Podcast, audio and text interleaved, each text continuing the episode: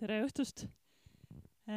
me siin alustame uuel aastal eh, keemia teemaga karjääriõhtuid ja saate meie karjääriõhtut ka järele kuulata eh, podcasti näol, kujul. Eh, ning täna räägib oma, oma eluloo professor Margus Lopp ja, ja ka igasuguseid karjäärivalikuid, mis siin mis teie oma elus olete näinud ja teiste elus, palun. suur tänu, ma kõigepealt tutvustan, ma olen äh, olnud kakskümmend viis aastat äh, keemiaprofessor Tallinna Tehnikaülikoolis. mind on vahepeal valitud ka veel akadeemia liikmeks ja praegu ma ikka veel töötan rõõmuga ja olen juhtivteadur Tehnikaülikooli pro projektide peal. aga ma saan aru, et teil on teadusteater. ja kui on teater, siis peavad olema näitlejad. ma saan aru, et ma olen guest star, kutsutud näitleja. ma annan oma parima, et teil ei oleks siin igav ja võib-olla saate ikka tükk maad targemaks ka. Eh, kõigepealt ma olen keemik. ja aga kui ma olin teie vanune koolis, siis ma veel täpselt loomulikult ei teadnud, et mida ma ise ikka täpselt tahan või kas ma seda keemiat tahan. mul oli äh, selles põhikoolis seal sellist õpetajat ei olnud, kelle järgi ma vot nüüd ma tahan olla nagu tema. aga keskkoolis juba olid ja keskkoolis oli mul füüsikaõpetaja, kelle nimi oli Kurkpõld ja keda me hüüdsime kurgiks, sest ta nägi kurgi moodi välja, niisugune lühike ja noh, ümmargune. ja tema oli väga vastuoluline või äh, õpetaja selles mõttes, et ta väga paljudele, ta ei meeldinud eriti tüdrukutele. ja ta oli poissmees üle kolmekümne aastane poissmees ja ma arvan, et ta kippus neid tüdrukuid kiusama.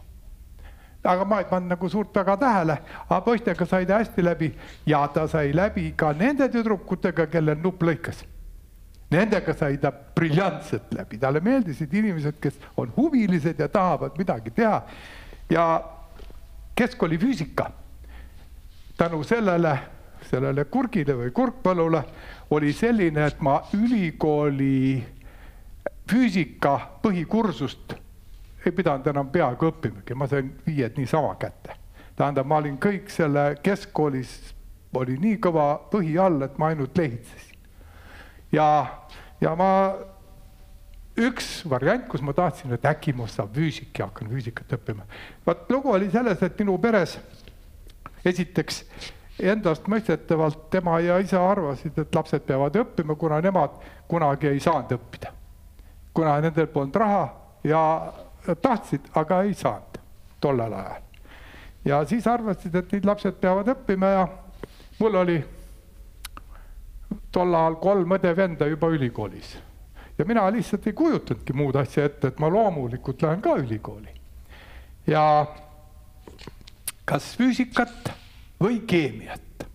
keemiaõpetaja oli ka sihuke jäme, umbes enam-vähem nagu kurk naine niisugune nagu Kutuzov filmis, olete näinud pikkade hallide juustega niisugune, niisugune naine, hästi kõva sõnaga ja väga tark. ja tema oli see, kes mind ära võlus keemia, keemia suunas, see oli täiesti kindel. tema tõttu ma siis ikkagi lõpuks sattusin keemiat õppima. ja tema oli muide sellise saatusega, et, et ta tol ajal, kui tema ülikoolis õppis, siis ta oli rahvavaenlase tütar ja ta ei saanud teadusesse kraadi tegema minna, teda ei lubatud. ja ta, ta, ta läks üldse kuskile tehasesse, aga lõpuks tal õnnestus tulla Saaremaale õpetajaks no õpetajaks ka ei tahetud, aga ikkagi seal oli ilmselt õpetajate puudus nii suur ja, ja ta sai õpetajaks. kuna ta oli nii tark ja nii võimekas inimene, siis ta suutis väga palju õpetada ja sai väga noh, tema töö tema otsene süü on selles, et mina praegu nüüd siin keemikuna teie ees olen ja näitlen. et äh, nii et kuulake tarku õpetajaid ja neid õpetajaid, kes teile meeldivad, siis te saate teha õige valiku. mina, minul juhtus küll selle järgi, mida mul õpetajad ees ütlesid, aga ülikoolis, ülikoolis oli ka paar õppejõudu äh,, kelle mõju mul on siiamaani tunda. tähendab, ma olin natukene omamoodi või isevärki tudeng, ma tegelikult valisin loenguid, kus ma käisin. igal loengul ma ei käinud ja juhtus nii, et ma käisin, vot tol ajal olid kohustuslikud punased loengud. Äh, noh kommunistliku partei ajalugu, filosoofia, mingid niisugused äh, ateism, jumal teab, mis asjad veel. ja kuna ma käisin esimesel loengul ja see oli nihuke jama, et ma siis enam kordagi terve ülikooli kursuse juures selle loengule lihtsalt ei sattunud enam. aga seminarides pidi käima, muidu oleks välja visatud aga loengus oli palju rahvast koos, seda keegi ei pannud tähele, kas seal on mõni puudu. ja, ja ükskord mulle öeldi ülikoolis, et on väga hea filosoofia õppejõud, kes loeb marksistlikku filosoofiat, aga väga tark mees. Mina mõtlesin, et ma olen ka kuulma. aga ma ei leidnud loengusaali üles, ma ei teadnud, kus see toimub, ma mõtlesin, okei okay,, jäägu siis see kursus mul lugemata, aga ma sain eksamitega ikkagi ilusti hakkama. ja, ja ma veel mõnes loengus Eh, ülikoolis lihtsalt ei käinud, aga eksamid tuli teha, ära õppisin ja eksamid sain ma väga hästi tehtud. aga oli ka jälle loengud, kus ma kordagi ei puudunud, näiteks oli selline õppejõud nagu Viktor Palm. Viktor Palm, kes oli erakordne isiksus, väga tark ja väga hea lektor.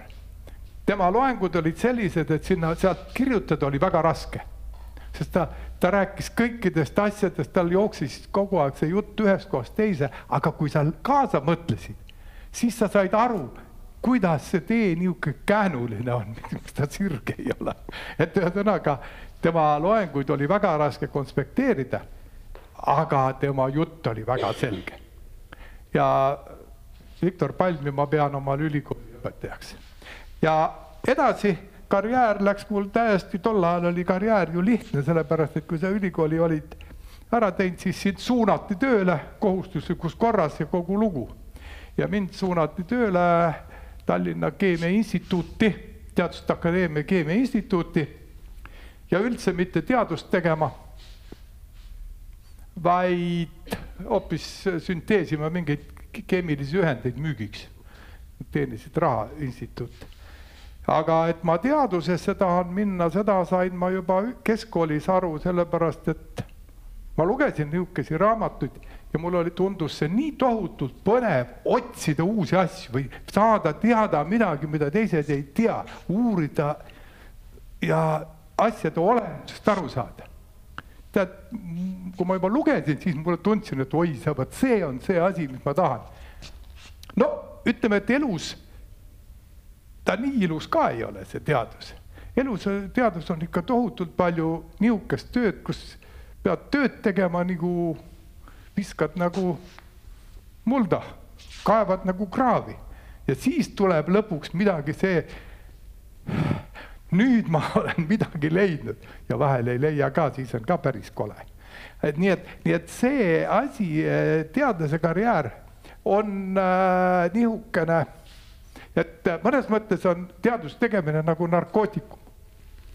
ta jääb sulle külge, sa ei saa sellest lahti, sa tahad, tahad jõuda sinnamaani seda, selle rahulolu ja selle õndsuseni, et nüüd ma olen suutnud midagi ära teha või ma olen sellest aru saanud, ma olen nüüd vaat see tunne tekib ja see tekitab sõltuvust selles mõttes, et äh, meeldib. aga teaduses on see häda, et, et, äh, et ta mõnes mõttes on hullem kui abielu. et abielu on sellepärast noh, niisugune, et sa seod ennast kellegiga ja pead sellega siis küllalt kaua koos käima. ja, aga võid ära lahutada, aga teadusest välja saad ainult nii, et sa selle lõpetad ära. teadus ei ole nii, et ma käin, et uuesti hakkan, lähen abiellun uuesti ja lähen teist korda jälle tagasi. teaduses on ükskord sisse astud, teed, teed ja kui välja lähed, siis tagasiteed enam ei ole. see on nii spetsiifiline valdkond, kui sa oled ära käinud, see on väga suur haruldus, kui sa uuesti sinna sisse lähed, uuesti hakkad seda kõike tegema. ma arvan, et see on väga-väga vähestel õnnestunud, aga mul ei ole seda vaja olnud teha. nii, ja siis ülikoolis meil on väga tore kursus, meil on niisugune päris teatud mõttes napakate kursus selles mõttes, et me käime siiamaani igal aastal koos. igal aastal saab meie kursus kokku. meil on kursuse kokkutulekud, vanasti olid ikka Eesti piires. no nüüd on Euroopa piires. et me saame kas Prantsusmaal, Saksamaal, Austrias, Soomes, eelmine aasta olime Soomes või Eestis siin-seal kolmandas kohas. vaatame midagi ja, ja tunneme rõõmu ja vananeme koos muidugi. kõik olid kunagi ilusad ja noored, täpselt nagu teie praegu. ja nad on praegu lihtsalt ilusad ja vanad, nii nagu mina praegu. nii et, nii et kõik koos vananeda pole ka hirmus kole. nii, ja, ja siis ma tahtsite teada, mis karjäär, et mis see keemiku haridus annab keemikuharidus on täiesti unikaalne haridus selles mõttes, et ta õpetab paljusid asju väga laialt ja väga praktiliselt. sa pead oskama midagi kokku panna, sa pead nagu kogu aeg olema suunatud praktilisele väljundisele lõpuni, lõpule. ja see tähendab seda, et kui sul elus on midagi vaja teha, siis sa võid väga palju erinevaid erialasid võtta. keemikuharidus ja teadmine, oskus mõtlemise viis, toimetamise viis annab sulle lihtsalt võtme, kuidas neid probleeme ja ülesandeid lahendada. ja mina hakkasin vaatama, kes minu kursusel siis praegu on. et kes nüüd, me oleme kõik juba enam-vähem lõpetanud, et kes, mis, kus, kes on oma, kuidas oma elu mööda saanud. minu kursusel on üks, kes äh, läks ärisse, oli väga edukas ärimees ja kellel on Kakumäel ilus maja ja, ja ühesõnaga teenis raha prakti-, väga pragmaatiliselt, kasutas oma teadmisi ka natuke, aga no mitte eriti. aga läks ärisse. siis minu üks hea kursusekaaslasel on turismifirma. äkki olete kuulnud Tensi reisid? Tensi reiside omanik on minu kursusekaaslane ma aitasin kunagi tal seda firmat veel teha. väga edukalt tegeleb turismiga, sest tal meeldis maailma mööda ringi käia. siis minu hea sõber on aednik. aednik, tal on väike aiand, ta müüs, nüüd ta vist hakkab lõpetama, aga aedniku töö on tal natuke igav üksinda, äh, siis ta kirjutab raamatuid. kuidas kasvatada seda, kuidas kasvatada teist, kuidas mulda, missugune muld, mis taimele vaja on, mis on mulla pH-d, mis jaoks temale on seda pH-d tarvis, miks temal teisel on teistsugust tarvis, ta on keemik, ta saab aru. ta muidugi, ta on väga hea aednik, aga ta saab keemikuna aru asjadest ja asjade põhjusest, kuidas asjad käivad Äh, siis no üks meil võttis kätte ja hakkas raamatuid tõlkima. teaduslikku fantastikat ja tema saab asjadest, teadusest aru, saab ja tõlkis, oli väga edukas tõlkija. sest et vaat keerulist teadusfantastikat ka tõlkida ei saa, kui sa ise ei saa aru, mis asjad, mis protsessid, mis ideed seal liiguvad ja mis ideid seal lahendatakse.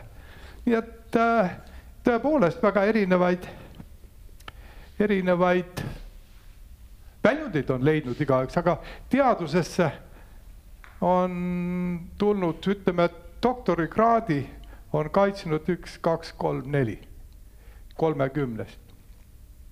nii et teadusesse ei ole väga palju tulnud. Nüüd, kui ma mõtlema hakkan selle keemiaga, siis ma mõnes mõttes kadestan teid natuke, sellepärast et ma pidasin umbes üks kümme aastat tagasi äh, loengu ka noortele. Ja see oli, et vaat siis see maailma päästmine ei olnud nii aktuaalne veel kui praegu, viisteist aastat tagasi või kümme aastat tagasi. ja ma arutlesin selle üle, mida teha ja kuidas teha, kuidas seda rohelist maailma, tol ajal ideed alles hakkasid, kuidas seda rohelist maailma üles ehitada. kui me enam naftat ei pumpa. millest me saame saapad, millest me saame kampsunid, millest me saame, ütleme kõik asjad, mis meil seljas on, kõik pastapliiatsini välja. järelikult me peame midagi muud, mingi muud tehnoloogiat tegema, millestki muust. aga millest? no põlevkivist ka ei tohi teha, eks pole. põlevkivi on ka maa seest välja kaevata tarvis ja no kasvatada, ütleme, teeks nagu linast ja nagu vanasti tehti, no karusloomast, karusnahast ka ei tohi teha, sest loomad tahavad ka elada ja peale selle nende kasvatamine tekitab metaani ja, ja see on ka hirmus asi. no et äkki kasvataks siis lina ja teeks äkki taimedest hakkaks võtma neid kõiki asju, riideid uuesti kanepist ja kõikidest nendest asjadest oma riideid selga. aga siis jäävad inimesed nälga inimesed on tohutult palju, paneme põllud selle alla, et hakkame kanepit või, või, või, või igasuguseid neid asju kasvatama, mis siis saab, kuidas, mis, siis, siis inimkond üldse ei ela.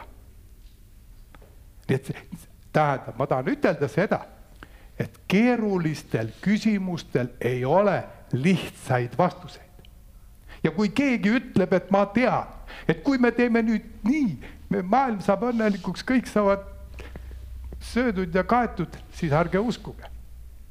keerulistel küsimustel on keerulised vastused, väga rasked vastused. muidugi on võimalik leida, noh, kui me muud ei tee, siis teeme anorgaanikast, me võime räni, me võime liivast muuta, teha liiva, räni, kiude, me saame kõiki asju teha. keemikuna me suudame teha väga palju. valik on loomulikult meil, aga leida tasakaalu, nii et sul on loodus alles, me ise kaetud ja söödud. Ja kõik, kõik nagu rahul, vaat see on raske. see ei ole nii, et me lõpetame kõik ühe asja ära ja siis saame õnnelikuks. ei ole. see on hirmus raske küsimus. ja noh, näiteks kui me isegi, kui me tahaks hakata taimedest ja tselluloosist tegema omale kõiki kingi ja saapaid ja riideid selga, siis, siis on see ka, nõuab uut tehnoloogiat, kõik tehased tuleb ära lammutada, kõik uued tehased ehitada. aga ainult keemikud suudavad luua uusi tehnoloogiaid. sa pead keemik olema, sa pead aru saama, muidu oled lihtsalt, sa ei oska midagi teha, paljaks jääd nii et ma tahan ütelda, et see keemikute, keemikud, teie põlvkond peab päästma maailma. See ei tähenda, et meie põlvkond on tuksi keeranud, see seda ei tähenda, see tema tuksi minek on tegelikult ka loodusseadus, see ei ole mitte nii, et ühed, keegi on süüdi, et ta sinna läks. või et olukord praegu selline lihtsalt inimesi on liiga palju. see on nagu trammis, et kui mammi ütleb, et, et kas siin džentelmene ei ole siis, siis vastatakse, et džentelmen on küll, aga kohti ei jätku. aga vot nii, et, et, et, et ei ole lihtsalt lahendeid, ei ole lihtsalt lahendeid. vot nii, nii et äh, ma tahan seda ütelda, et keemikuna, esiteks keemikute haridus on väga universaalne ja võimaldab väga palju erinevaid väljundeid. ja teiseks keemikuharidusega on kõige suurem tõenäosus maailma päästmisele anda oma panus. või ütleme, et maailma kestmisele, päästa pole ka midagi, aga et ta üldse kestaks ja et meil oleks võimalik õnnelikult siin selles maailmas elada, selleks aitab see haridus väga hästi. seda, seda noh, ma olen päris hea meelega või päris kindlalt ja veendunult võin ütelda. näiteks maailm muidugi muutub ja meie koos teiega, te võib-olla ei saa naljast aru, aga ma räägin teile ühe naljaloo, et mina äh, rääkisin, ma ei tea, paarkümmend aastat tudengitele, et kõige suuremast lollusest. ja mis on kõige suurem lollus? kõige suurem lollus on, et me põletame kütust, metaani, külutame metaani saame energiat, saame mis iganes ja järgmisena tekib CO2. noh, keemik püüab CO2 kinni. mis sellest CO2-st teha saaks? paneme vesiniku sisse, katalüsaatoriga teeme metaani. mis me metaaniga teeme? põletame ära, saame energiat. see on see, mida praegu tehakse muide. See, see, mis praegu tehakse aga seal on üks väikene, väikene loodusteaduslik probleem on siin sees. ja selle asja nimi on entroopia. kui sa, see on nii, nagu sa taod ühte vaia vastu oksema, siis sa pead selleks, et nüüd CO2-st teha uuesti metaani ja seda uuesti kasutada, pead kulutama rohkem, kui see asi väärt on. see on entroopia. tähendab see on termodünaamika põhiseadus, on entroopia kasvuseadus ja see tähendab seda, ükskõik, mida sa elus teed, petta saad alati.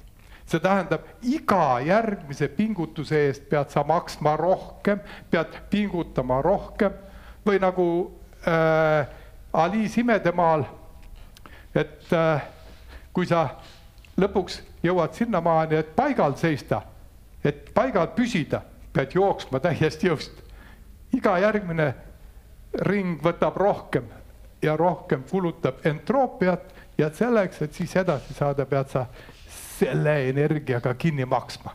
nii et, nii et äh, ilma loodusteaduste kaasamiseta me võime olla õhinapõhised, ütleme, et hurraa.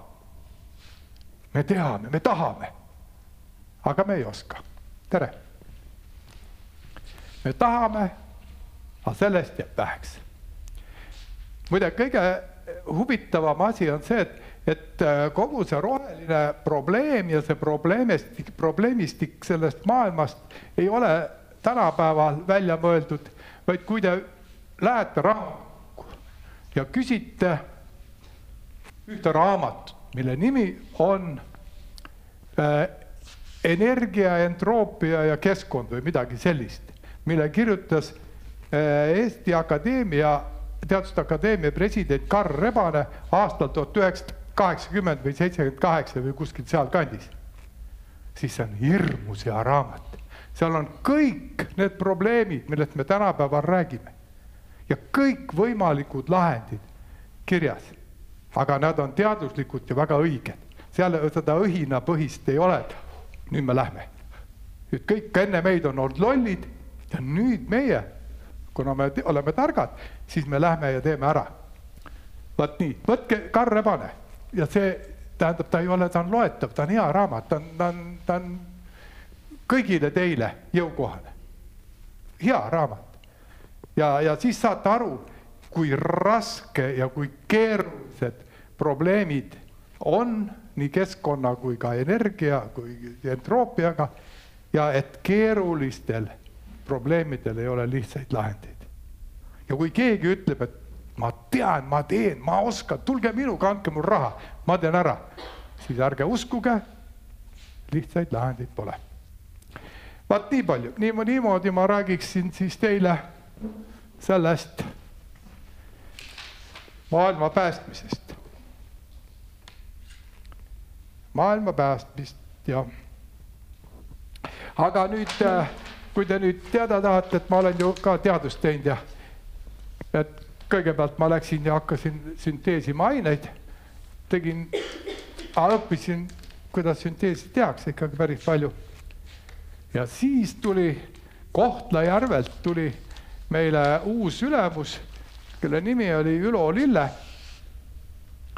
ja kes tõi uue temaatika, tõi looduslike ühendite sünteesi ja tal olid mingid prostaglandiinid, need looduslikud ühendid. Need on niisugused ühendid, mille aktiivsus on nii kõrge. no ütleme, te teate ju mool, pole, te olete keemiast kuulnud, mis on mool. et äh, tema aktiivsus mõjub nanomoolides. no see on väga väike number, ühesõnaga, kui meie seal määrasime neid pärast bioaktiivsusi, siis alati me andsime uurijatele absoluutselt tühja kolvi ja kaaluda ka ei saanud, sest nii vähe oli. aga mõju, sellest sai tuhat doosi et proovida erinevaid asju. nii et äh, ma hakkasin siis looduslikku ühendit tegema ja, ja prostaglandiine sünteesima ja siis nende prostaglandiinide väljundid olid meditsiinis. ja tol ajal me noh, noored ja, ja uhked mehed jõudsime sinnamaani, et tegime äh, näiteks mitu meditsiinipreparaati valmis, mis läksid kasutusele tol ajal. väga vinged preparaadid, üks oli mina, mille mina tegin, oli estufalaan. see oli veterinaarias, lehmade meditsiini, lehmade veterinaarmeditsiinis. Ja seda toodeti sadu tuhandeid miljoneid doose mina ostsin selle eest auto. mina sain preemiat, isegi tol ajal sain preemiat, ma ostsin auto. auto maksis üheksa tuhat, minu palk oli sada kolmkümmend viis rubla. auto maksis üheksa tuhat kolmsada rubla. nii et ka tol ajal sai mõne asja eest midagi. siis, siis ma tegin ühe preparaadi, mille nimi oli vasotsükliin. vasotsükliin oli selline, mis oli infarktivastane preparaat aga tema oli nii labiilne, et kui organismi teda süstiti, siis ta kadus ära, no poole minuti või minutiga oli lagunenud. aga mõjus. Eh, veretrombide agregatsiooni lahustaja. ja kuna me, me juba uurisime seda preparaati, seda uuriti Ukrainas, Lvovis, eh, Itaalias, meil oli mitmel pool koostöö. Ja siis meil need preparaadid olid kapis. Ja siis juhtus paar korda nii, et kiirabihaiglast tuli kiirabiauto, andke kohe viis, viis doosi, kohe. haige, auto, haige oli autos, kohe süstiti südamesse. ma jäi ellu või ei jäänud, aga see oli ainus lootus, et ta veel ellu jääks et südames tromboosi lahendada. aga see oli juba kaheksakümnendate aastate lõpp ja siis meie kogu see farmaatsiaalane töö lõppes kahjuks ära Eesti Vabariigi tulekuga, kuna Eestist kadus ära ka farmaatsiatehas, kes oli võimeline selliseid ravimeid tootma. ja nende, sellest estufalaanist räägitakse siiamaani veel muinasjutt, et see on niivõrd hea preparaat. ma olin eile, üleeile üleeile ma olin äh, Eesti Maaülikoolis ja rääkisin, rääkisin seal äh, rektoriga Ülle Laaksaga ja tema ütles, et tema on kasutanud, küll oli hea preparaat, aga ta ei teadnud, et mina selle kunagi välja töötasin ja siis me meditsiinialalt läksime natuke kaugemale, siis hakkas mind huvitama selline asi, mind hakkas huvitama selline asi, et asümmeetria liigilises sünteesis. teame peeglit, kui te iseennast peeglist vaatate, siis see, mida te peeglist näete, ei ole teie, vaid see on teie peegelpilt. Teie parem kõrv on vasak kõrv, vahetavad kohad. te peeglist te ennast kunagi ei näe, vaid näete oma peegelpilti, nii nagu kaks kätt. noh, nagu ühesugused, aga tegelikult nagu on peegeldused, üksteise peegeldused. ja siis hakkasin ma uurima nende selliste molekulide omadusi ja selliste molekulide saamist. ja ma hakkasin uurima oksüdatsioonireaktsioone, see on põletamine tegelikult. no oksüdatsioon on põletamine ka, et kuidas põletada molekuli natukene ja ühelt poolt küljest. Et siis sa saad selle hapniku ühele poole külge ja siis tekibki käeline molekul. nii et nihukesi huvitavaid probleeme, kuidas, kuidas ühest poolt küljest põletada molekuli, muide, see on võimalik ja ma sain tolle töö tehes sain, ma mäletan, sain Eesti Teaduspreemia, ma mäletan selle, nii et on, tuleb välja küll. aga prostaglandiinide eest ma sain ka kunagi Eesti Teaduspreemia hallil ajal. veel, see oli Nõukogude ajal, veel Vene ajal. nii et, nii et ja siis, ja siis seitse aastat tagasi tegin ma täieliku kannapöörde, lõpetasin asümmeetrilise ja väga peene ja meditsiinilise sünteesi ja hakkasin tegelema põlevkiviga. mind hakkas huvitama selline asi, et põlevkivi köetakse, põletatakse, aetakse õli. mind hakkas huvitama, kas ta tõesti millekski muuks ei kõlba, kas sealt on midagi palju paremat saada ja, ja, ja mind ärgitas seda kunagine Tehnikaülikooli rektor äh, Agu Aarna, kes kunagi kirjutas, et kõige, kõige suurem vandalism on põlevkivi põletamine ahjus.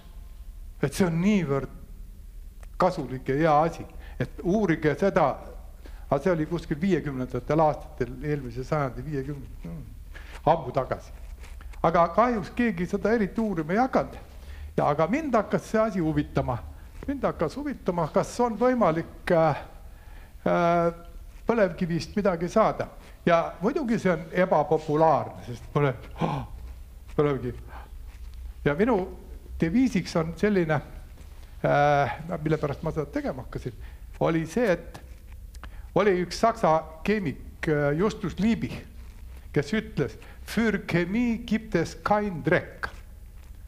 kui keegi aru saab, siis saab. keemia jaoks, selles mõttes teaduse jaoks ei ole sõnnikut, vaid sinul on objekt. see võib olla ka sõnnik. Kui sa uurid, siis on sul objekt, für Chemie gibt es kein Dreck, ei ole olemas sellist nii halba asja, mida ei tohiks uurida.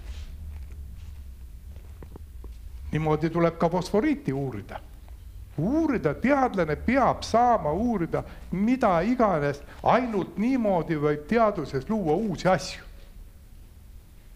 kui sa teed seda, mida kõik teavad, siis ei tule kunagi midagi uut.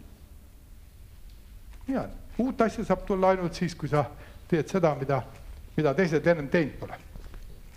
no vot ja, ja hakkasin ma siis seda uurima praegu ja nagu mul nagu veab ka ja ma oskan natuke ja mul on praegu laboratoorium, ma tegin tööstuskeemia laboratoorium, mul on kaksteist noort inimest.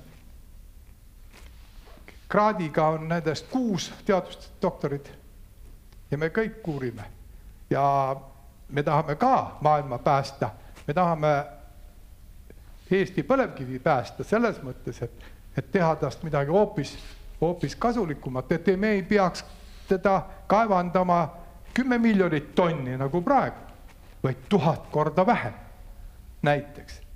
Või kümme tuhat korda vähem. Ja ikkagi saada veel, riik saab elada, saaks kasu, saaks midagi müüa. Need äh, produktid, mida me seal püüame teha, nende hind on tuhat euri kilo. õli on üks euro kilo. nii et noh, tuhat korda kallimalt saab seda teha ja tähendab, kui see, kui mul idee, üks on idee ja teine on see karm tegelikkus, see on hirmus palju tööd. aga suure tööga ja tarkade inimestega ja entusiastlike noore energiaga saab küll. meie esimene tehnoloogia saab valmis augustis. nii et kui see, kui rahamehed otsustavad, et seda tuleb juurutada, siis ta läheb käima esimese, esimene proov, meil on teine ja kolmas ka juba töös, nii et noh, saab. ja idee on, et põlevkivi ei ole sõimusõna, põlevkivi ei tohi kaevandada nii tohutult, põlevkivi ei tohi raisata nii hirmus palju. aga põlevkivi on meie vara. Järelikult ta võiks meid rikkaks teha. ma mõtlen tervet Eesti riiki. see on suur vara, kui sa oskad õieti tahke peale hakata, nii nagu fosforiitki fosforiiti ei oleks tohtinud ka Vene ajal kaevandama hakata, sest nad oleks selle kõik üles kaevanud ja kogu selle värgi siit Eestist ära viinud, me oleks veel vaesemad ja veel hullemad olnud kui praegu.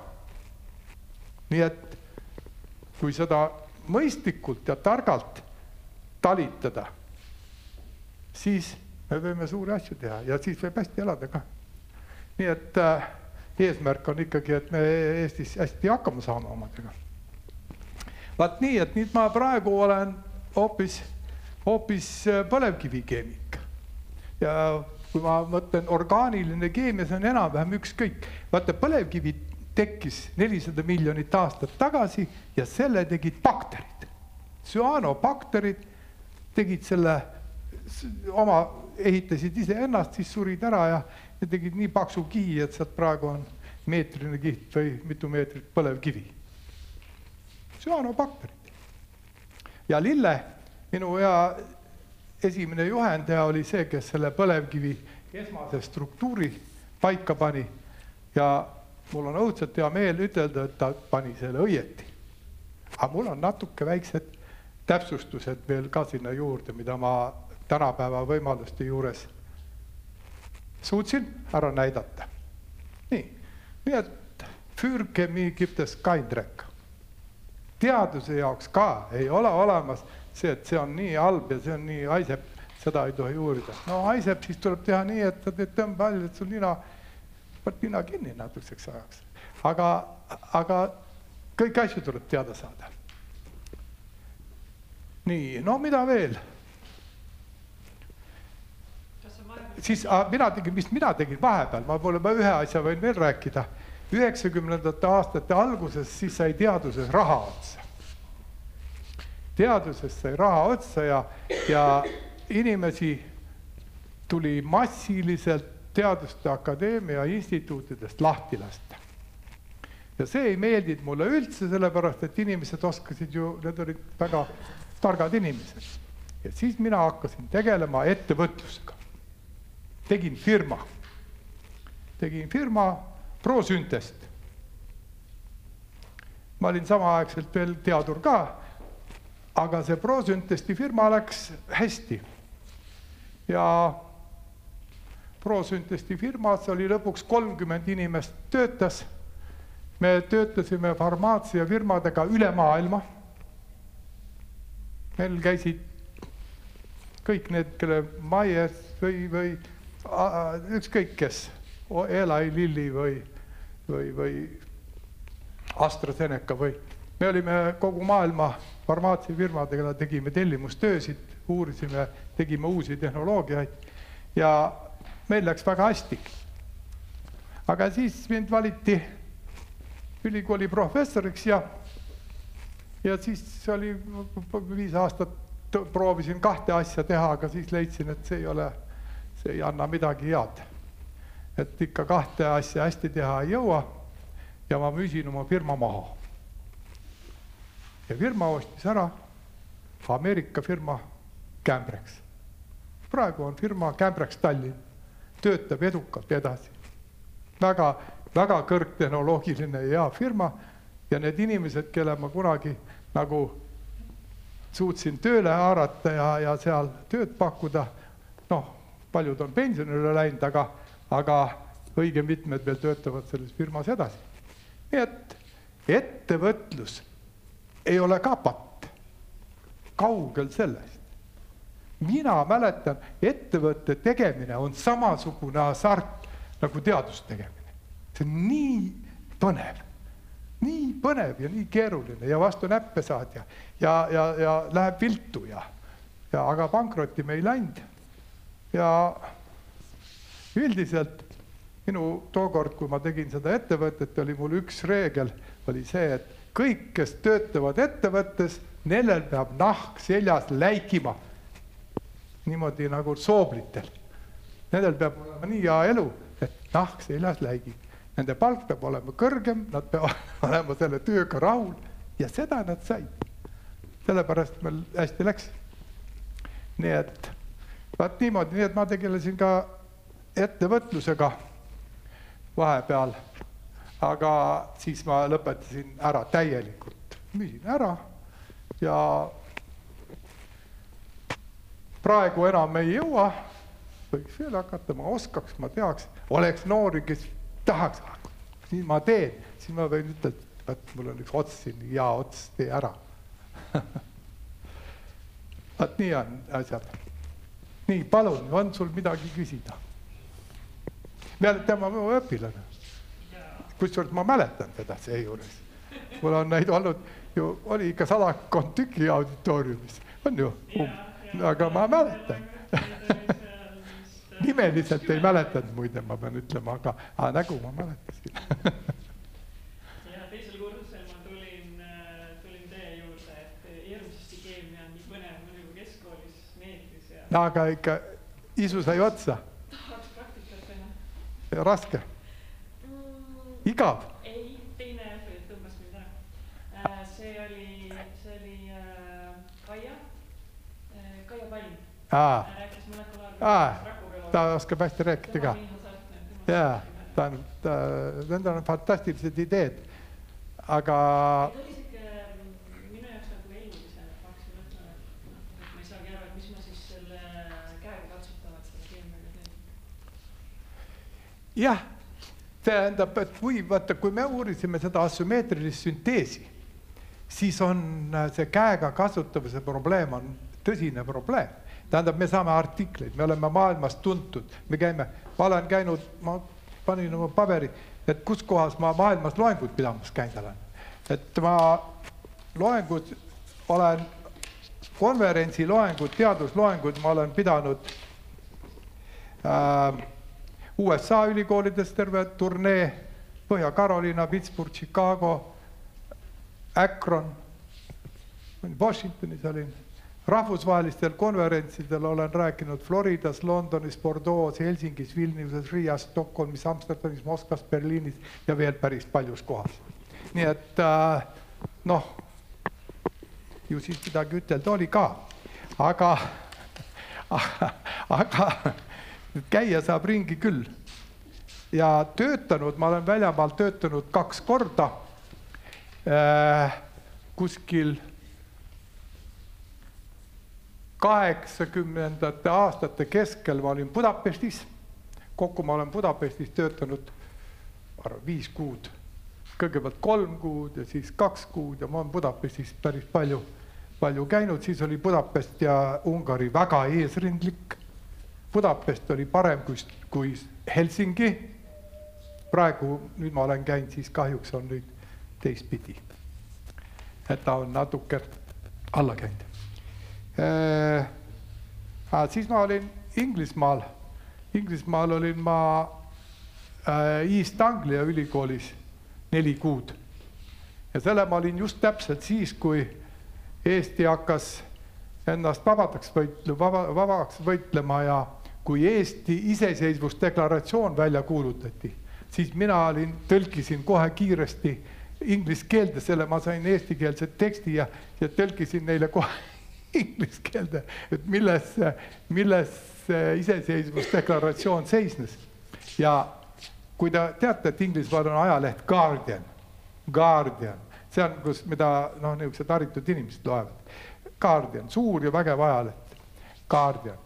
Guardiani ajalehe esilehel oli ainult üks lause või, või niisugune äh, slogan, et Eesti hiir möirgas vene karu peale möirgas, see hiir möirgas vene karu peale, see iseseisvusdeklaratsiooni äh, puhul. ja siis nad kangesti tahtsid teada, et mis siis, aga no muidugi nad ei saanud aru, meil oli revolutsioon, aga nemad ei saanud aru, natuke napakas, erutatult räägib asjadest, no mis seal siis on. no ühesõnaga see Äh, selle läbielamine on muidugi ju keeruline, meie elame, asja sees oled, siis ühtemoodi, aga kõrvalt vaadates olid natuke napakad niisugused aga East Anglias ma olin jah äh, neli kuud ja vaatasin, kuidas Inglismaa üli, ülikoolid on, aga ülikoolid on kõik, aga siis ma olen õpetanud muidugi Tehnikaülikoolis ma olen õpetanud kakskümmend viis aastat ja üks kümme aastat ma õpetasin Helsingi ülikoolis, aga ma käisin ainult stereokeemia kursust lugemas doktorantidele. nii et ma olen Helsingis ka õpetanud, aga inglise keeles. Ma soome keelt ei oska. noh, mul on paber, et ma oskan natuke soome keelt, nad tegid mulle eksami ja seal kirjutasid, et see on understand, understands that can express himself in Finnish. mida iganes see tähendab, saab aru ja võib ennast väljendada. no mu väljendus oli küll väga nõrk tol ajal, praegu ma oskan igatahes rohkem soome keelt kui siis, aga, aga nad andsid mulle kuldse paberi kuldne pitsat all, nii et nad ei tohtinud mind ennem dotsendiks valida. Nad pidid siukse paberi tegema. nii et ma olen Helsingis ka õpetanud ja tudengid maailmas on kõik ühesugused. ja kui teist tudengid saavad, siis te olete täpselt samasugused toredad tudengid, nagu need on teistes ülikoolides. Nii et ärge arvake, et kuskil mujal midagi teistmoodi on. ja, ja minu kogemus tudengitest on nii, et kui võtame tudengimassi niisugused, tuleb sada tudengit sisse, siis kolmkümmend kolm tudengit on väga head kolmkümmend kolm tudengit on nendest, kellest võib asja saada, keda saab õpetada. ja kolmkümmend kolm tudengit on sellist, kes raiskavad oma aega ja teiste aega ka, kellel pole mingit mõtet, aga no nad saavad mingi paberi saavad ja küll nad hästi elavad, nad võivad väga edukad olla. aga selle noh, vale koha peal, see ülikooli pole tarvis tulla. nii et äh, see kolmekümne, kolme, kolmkümmend, üks kolmandik, üks kolmandik, üks kolmandik, see on kogu aeg läbi aastate olnud parematel ja halbadel aegadel. nii et on ju umbes mul õigus. ma loodan, et ma olen siis seal. Äh, esimese kolmandiku hulgas muidugi. jah, esimese kolmandiku hulgas just täpselt, aga nii et nii et ma kahjuks enam ei õpeta, nii et kui te tuleksite Tehnikaülikooli, Tehnikaülikoolis õpetatakse praegu päris hästi keemiat. ja see õppekava keemia ja molekulaarbioloogia, meie idee oli kunagi Truuve, Erki Truuvega me tegime niimoodi, et, et hakkame õpetama bioloogidele keemiat, need molekulaarbioloogidele, kes oskavad geenidega manipuleerida ja keemikutele rakku ja natuke bioloogiat. et siis kokku saab asja, millega saab, äh, nende teadmistega saab midagi peale hakata. no päriselus läks see asi natuke mitte täpselt niimoodi, aga see idee praegu siiamaani kestab ja see on parim asi, mida koos õppida saab. ja kui bioloog tahab, bioloogid muidu ei jaganud sellest keemiast midagi, et kuidas sa paned seda geeni kokku, kui sa ei saa aru, kuidas molekulid omavahel kokku lähevad seda, nii et geenidel on ka molekulid peal nii et niisugune, niisugune värk, aga äkki küsite midagi? ma olen ühte-teist teinud jah. Äh, küsimustel, äh, mis, mis teid huvitavad? Tehn-, Tehnikaülikoolist, ma tean Tartu Ülikoolist, ma ise lõpetanud Tartu Ülikoolis, nii et ma tean. milline teil on selline moment nagu oma teaduskarjääri jooksul, kus olete nagu ummikusse jooksnud, et ma olen küsinud, mida te teete nagu? et millega hakkama ei ole saanud? et kõik, vaata ma mäletan, kui ma esimest korda hakkasin tegema prostaglandiini molekuli, siis esimese molekuli tegemisega kulus mul aega no väga kaua ja minu lugupeetud professor Lille tahtis mind, jättis mind preemiast ilma, mul ei tule midagi välja, siis ühesõnaga ma tõsiselt kahtlesin ja siis lõpuks ikkagi sain. aga ummikusse läheb muidugi, tähendab, kõik ideed ei tööta see on päris normaalne. sa mõtled kõige targem idee ja mõtled, esiteks mina olen tähele pannud, kui sul on mingi hästi briljantne idee, siis hakkad lugema ja leiad, kurat, kellelgi teisel on täpselt sama idee juba varem olnud. nii et see on esimene asi, millega vastu nina saada. et kui sa mõtled, kõik on uus, huvitav, aga maailmas on neid äh, inimesi palju ja neid ideid tulevad kõikidele pähe. nii et otsi, selle kohta ütles vanasti Ilomets äh, ütles selle kohta, Tulliu Ilomets, kes oli Tartu aukodanik ja oli ka minu õpetaja ja, ja, ja tema ütles, et, et äh, üks päev raamatukogus hoiab ära kuu aega tühja tööd laboris. noh, tol ajal oli Vene ajal, Vene ajal oli teaduste tegemine nii raske, et äh, sa pidid jooksma võidu kõikide teistega, võidujooksud, aga et sul olid jala küljes pommid. sa pidid sama kiiresti jooksma nagu ameeriklased ja inglased, aga pommid olid jala küljes ja need pommid olid see, et kirjandust, teadusajakirju ei olnud. Nende hankimine võttis aega kuid, ei saanud uut kirjandust lugeda. teine oli see, et kui sul oli vaja kemikaale, mingit ainet vaja, siis see tuli aasta ette tellida või kaks aastat, ühesõnaga seda sa pidid ise tegema. kui ma Inglismaal töötasin, siis oli nii, et kui mul tuli idee, ma tahtsin teha üht ja vaja oli ühte ainet, siis ma õhtul andsin lattu sisse tellimuse, järgmine hommikul võtsin selle sealt välja. öö jooksul toodi kemikaal kohale. vot ja siis me pidime võidu jooksma nüüd selliste tingimustega, mis teisel oli. nii et see oli, Vene ajal oli selles mõttes raske, aga ideed ega nupud, nupumehi polnud ja tarku mehi ei ole noh, kunagi liiga palju, aga neid on igal pool nii et, nii et see on, õnneks on see. Ja, ja me räägime, et ülikoolis on, et ülikoolidel on kriis ja mis iganes. ülikool on üks väga huvitav asutus, ükskõik, mis ka ei juhtuks, alati leidub noori inimesi, kes tahavad midagi teada saada. Ja alati noh, nad, neid rumalaid, kes kõik jätavad kõik asjad korra, kõrvale ja hakkavad midagi uurima ja kellest saavad suured teadlased, alati on, sõltumata ajast. viimased, ma ei tea, viimased viis või kümme sajandit, nii kaua kui ülikoolid olnud on, on alati olnud selliseid inimesi ja praegu täpselt samamoodi. see on eh, inimese omadus, see on teada saada ja uudishimulik olla. ja mõni pühendub ikka ennast sellest täielikult ja sellel on väga väga suur tulevik, kes niimoodi pühendub. aga mis teid huvitab, mis, mis te tahaks teada saada? on teil mõni probleem, mida lahendada tahaks? võib sünteetilise kõlaga seal. küll neid tuleb, neid tuleb kogu aeg. eriti kui hakkad midagi uurima, siis, siis neid muudkui tuleb juurde. kas on teisi ettepanekuid, kommentaare? Nii et tähendab, õppida võib igas ülikoolis. keskkool tuleb teha Eestis, kõikide, see oleks väga mõistlik. ülikool võib valida juba mitmelt poolt ja doktorit võib teha eriti väljamaal. ja siis tuleb tagasi tulla. aga, aga keskkool peaks olema Eestis.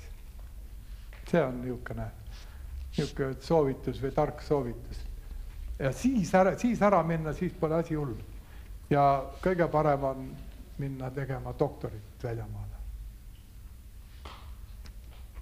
ma täiendan seda küsimust veel, et, et kui oli selline keeruline olukord, et noh, et äh, pidi sünteesima midagi ja välja ei tule, välja ei tule, tüüpiline selline teaduslik, teaduse töö, eks ole, viis korda või viissada korda proovid, et mis siis teid edasi viis? no vot kaks asja, kas pole, et kas viskad kõrvale, hakkad otsima, kus viga on mm. -hmm. ja ikka hakkad uurima, kas ma tegin, kas see on minu viga, on mu idee vale või on mu näpud teevad valesti või ma olen mingi asja üle nurga lasknud.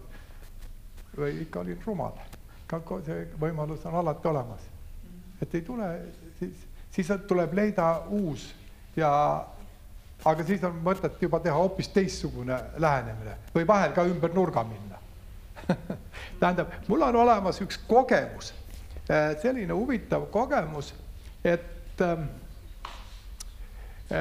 Valge mere korallidest eraldati see ähm, sekosterool Sameli grupis, see minu professor Sameli grupis aastal, ma arvan, et üheksakümmend üks, üheksakümmend kaks või kolm, no ühesõnaga üheksakümnendate aastate alguses ja sekosterool ja sellel avastati vähivastane toime ja väga huvitav toime, seda nimetatakse apoptoosiks.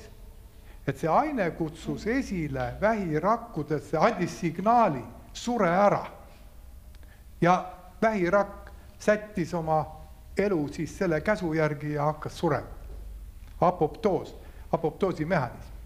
ja see indutseeris apoptoosi, pani rakud ära surema ja, ja aga seda, see oli Valgemere kolmekümne meetri sügavusest toodud ja seda tookord, kui me avastati, siis avastati ta selle bioaktiivsuse järgi. et mingisugune fraktsioon oli tohutult vähivastane. siis hakati uurima, mis asi see on ja seda ainet eraldati kaks milligrammi. kui suur on kaks milligrammi? kaks milliliitrit on päris suur kaks milligrammi on väga vähe. tuhandik grammi, kaks tuhandikku grammi. no ühesõnaga, see on ka tühi kolm. kaks milligrammi on üldiselt, kui sul on väike kolvikene, siis on ta tühi, ei paista välja. eraldati kaks milligrammi seda ainet ja selle juba tol ajal, vot siis oli Lippmaa instituudis, oli tuumamagnetresonants. meil on praegu oma tuumamagnetresonants, millega saab kõike mõõta aga tuumamagnetresonantsis ja seal oli üks äh, teadlane Tõnis Pehk, kes oli võimeline, kes oli kindlasti Põhjamaade ja selle siit poole Euroopa parim mees. tema tõestas ära selle struktuuri. see ühend, süsinikud, vesinikud, hapnikud on niimoodi pandud, neid oli umbes kakskümmend tükki seal süsinikku ja hapnikke ja värki ümber ja selle ka veel, vot see stereokeemia missugune ühel pool küljes, missugune rühm teisel pool küljes, kuidas see asi käib. ja siis aastal ütleme umbes kaheksakümmend, mida millalgi kaheksakümnendate aastate alguses hakkasin mina, minu grupis hakkasime tegema keemilist sünteesi. et nii hea ühend, seda peab uurima, meil itaallased tahtsid uurida, kõik tahtsid seda ühendit uurida, aga ainet polnud seda oli nii vähe. ja siis hakkasin ma sünteesima. ma arvan, et ütleme, et kaheksakümmend viis umbes. ja ma lõpetasin selle sünteesi eelmisel aastal. ma ei tea, palju, kümneid aastaid see, no muidugi üks äh, doktorant tuli, tegi väikse jupi, aga valmis ei saanud, läks minema täpselt tekkis probleem, ei saa, tekkis, ei suuda lahendada, ei suuda lahendada. tuli teine doktorant, see viskas päris nurka, et ei saa, see on nii loll probleem, et seda ei saa teha. ja siis, ja siis mõned aastad tagasi ma sain veel ühe doktorandi. ja see doktorant, me leidsime lahenduse, me leidsime lahenduse, kuidas, tähendab, meil oli nii, et oli kaks fragmenti, selle molekuli kaks fragmenti, aga kuidas neid kahte kokku panna. mõlemad olid õiged molekuli fragmendid, aga kokkupanemise meetodit ei olnud. ja tema pani selle, me tegime, muutsime neid natuke, neid fragmente ja tema töötas välja, kuidas neid kokku panna. eelmine aasta sai valmis. ma ei tea, kas kellelgi seda tarvis on, kui mingi firma tahaks seda praegu nüüd hakata uurima, siis nüüd me võime põhimõtteliselt seda nendele kümneid milligramme sünteesida. nii et see kümme milligrammi võtaks aega kaks kuud. praegu selle sünteesi otsast lõpuni tegemine võtaks umbes kaks kuud ja ta läks kakskümmend viis aastat läks, et sinnamaani jõuda. et niimoodi. nii et, aga me ei, mina ei jätt jonni kah, et vot sealt sain vastu näppe, nii et vähe ei ole, nii et aga võiduka lõpuni. palju meil aega on? me hakkame otsi kokku tõmbama ah.. kas on, kas on veel midagi, midagi, mis on jäänud niimoodi kahtluse? ja üks küsimus on, mis teie arvamus on, tehisintellektist ja selle nagu konkurentsist teistele keemikutele, sest ütleme omavahel. tehisintellekt on tõestanud, et ta on võimeline kujundama molekule palju kiiremini kui inimene. näiteks halitsiini antibiootikumi kujund. jaa, tähendab, see on, siin on jälle kaks asja. kui teha teadust, peab olema ka õnne. üldse, kui elus tahad hästi hakkama saada, siis ütled, anna jumal mulle õnne. õnne on ikka vaja. tähendab, kui sa paned natuke viltu, tõesti võtad vale, vale idee, siis kellelgi teisel tuleb see õige tee, idee ja see on teaduses nii sage. mina olen näinud äh, kaks-kolm-neli korda, kuidas minu hea mõte on kuskil mujal maailmas ära tehtud kiiremini ja paremini ja ma ei saa isegi avaldada, mis ma sellest avaldan, teised on juba ära teinud. nii et äh, tarku inimesi on igal pool ja eriti heades laborites on tõesti kiirem, noh praegu näiteks me ei saa ikkagi Inglismaa laboritega võrrelda, sest kui ma praegu tellin aine, ma saan kõik asju tellida äh,, siis kulub mul kolm nädalat. kolme nädala pärast saan aine, Inglismaal ma sain järgmine hommikul. et ma olen kolm nädalat kohe maas. et noh, siin kuna meil need Inglismaal olid need äh, firmade baasid, kõik olid Inglismaa väike ka, öö jooksul nad igast baasist, kuskohast iganes ladudest toodi ained kohale. meil on ladu Poolas, meil on ladu Stockholmis ja meil on ladu Helsingis parimal juhul või tuuakse kuskilt siis veel kaugemalt. nii et äh, siia Eestisse kunagi ei tehta neid ladusid, kuna pole neid tahtjaid, pole tarbijaid. kellelegi pole neid asju tarvis, aga seal on kümneid ladu äh, asju ja nii et äh, kahjuks ma pean ütlema, et see on täitsa harilik, et äh,, et äh, jääd hiljaks. võidujooks on niikuinii. võidujooks on niikuinii. nii et see tehisintellekt nagu kiirendab veel seda võidujooksu. Äh? see tehisintellekt siis kiirendab veel võidujooksu. ma, ma, ma, ma ise seda tehisintellekti ei valda, aga ma arvan, et tehisintellektist võis keemilise sünteesi äh, jaoks väga palju kasu olla. vaata, kui me räägime nüüd sellest, ütleme nende keeruliste ühendite sünteesist, siis see tähendab kakskümmend etappi või see tähendab väga palju erinevaid reaktsioone järjest ja selleks, et seda ise välja mõtelda, peab sul olema peas palju teadmisi ja sa pead veel olema niisugune no malemängija ka, sa pead oskama seda skeemi kokku panna. aga ma olen kindel, et tehisintellekt teeb seda palju paremini, võrratult paremini. nii et, et äh, keemilises sünteesis ma arvan, et tuleb tehisintellektiga käsikäes minna. Nemad ei oska kokku panna, nemad laboris kokku ei keeda aga ma usun, et nad suudavad välja mõtelda või kõige parema, kõige optimaalsema ja täiesti ootamatu tee.